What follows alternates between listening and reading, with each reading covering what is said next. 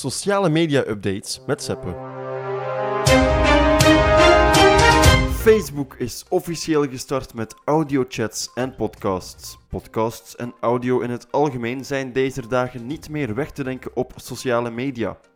En dat is Facebook niet langer ontgaan. Ze lanceerden op 22 juni hun eigen live audio rooms en podcast platform. Via deze live rooms zal je maximum 50 sprekers kunnen toelaten, maar wel met een onbeperkt publiek. Daarnaast zal je de podcast op het platform binnen de app zelfs kunnen beluisteren wanneer je de app sluit en jouw smartphone vergrendelt. Facebook maakt het mogelijk om reacties die je krijgt via een privébericht op een verhaal zichtbaar te maken in de stories. Zo komen ze effectief in beeld wanneer je deze instelling hebt ingeschakeld.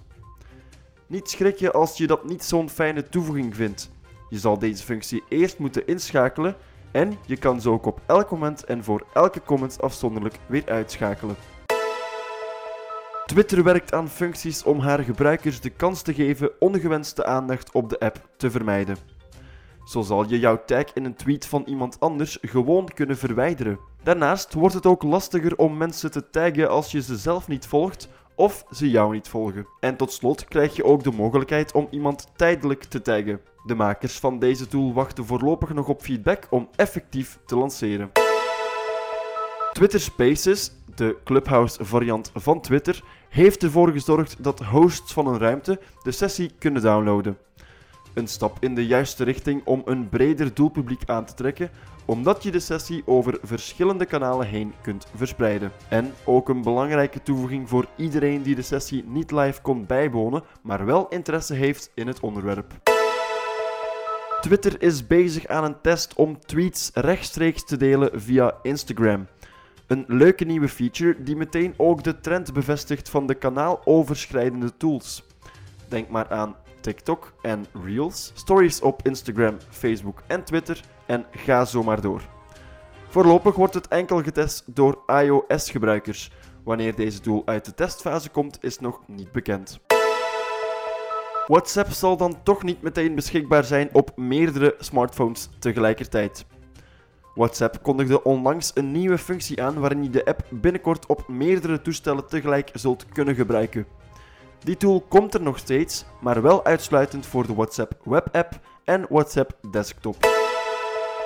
Mark Zuckerberg heeft een nieuwe functie die we reeds kennen van Facebook en Instagram aangekondigd voor WhatsApp.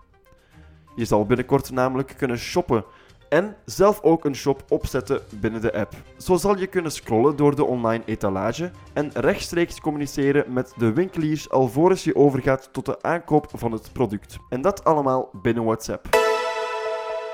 TikTok werkt aan een nieuwe tool binnen de app genaamd TikTok Jumps. Via deze knop zal je extra informatie kunnen vinden over een bepaalde TikTok.